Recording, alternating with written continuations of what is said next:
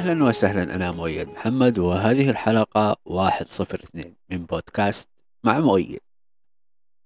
قد سألت نفسكم من قبل كيف ممكن نهزم الحزن؟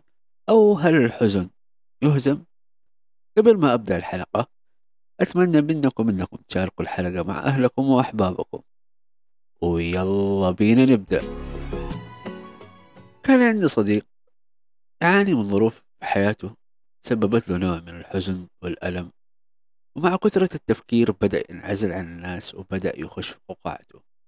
زي ما أحب أسميها أنا القوقعة أو منطقة الراحة. وصار متكيف على وضعه وحزنه وألمه. غاب عني بالشهور وبعد مدة تقابلنا. ودار بيننا حوار. كيف قدر يتغلب على حزنه وألمه؟ الخطوة الأولى اعرف سبب ألمك. تخيل تروح مكان بدون وجهة محددة. أكيد راح تضيع. والألم والحزن لهم مكان أو سبب. عشان نتعافى منه لازم نعرف إيش السبب. ممكن تكون مواقف أو تراكمات سابقة. عشان نهزم الحزن لازم نحدد وجهتنا ونعرف سبب ألمنا. الخطوة الثانية اقبل ألمك ولا تحاول الهروب منه. طول ما أنت تهرب من المواجهة ما راح تتعافى. الدكتور يعطينا دواء قد يكون مؤلم أو طعمه مر. ألمنا يتعامل بنفس الفكرة؟ جروحنا وخيباتنا مرة ومؤلمة لكن لازم نواجهها. إذا ما واجهناها قد تتحول إلى أمراض نفسية. واجه ألمك. والأهم أنك تتقبل فكرة أنك إنسان.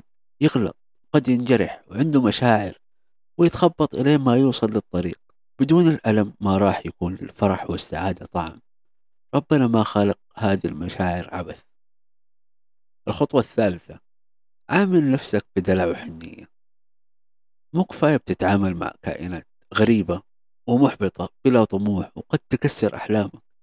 تقوم تعامل نفسك بطريقة سيئة وجلد الذات وندم على فرص أصلا ما كانت لك. دلع نفسك حبها بكل عقدها وكلاكيعها. الخطوة الرابعة أحيانا لازم تاخذ راحة من الأشياء المؤلمة لك. لما تمرض الدكتور يطلب منك راحة.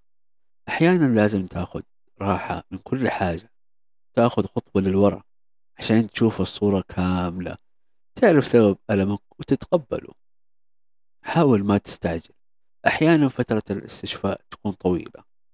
ما راح تقدر تأخذ بريك أو راحة كاملة عن الحياة لأنه هذا الشيء أساسا غلط.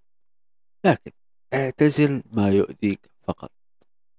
أرجع وأذكر بحاجة. شاركوا هذه الحلقة مع أهلكم وحبايبكم. وتذكروا نحن نتكلم عن كل شيء ولا شيء.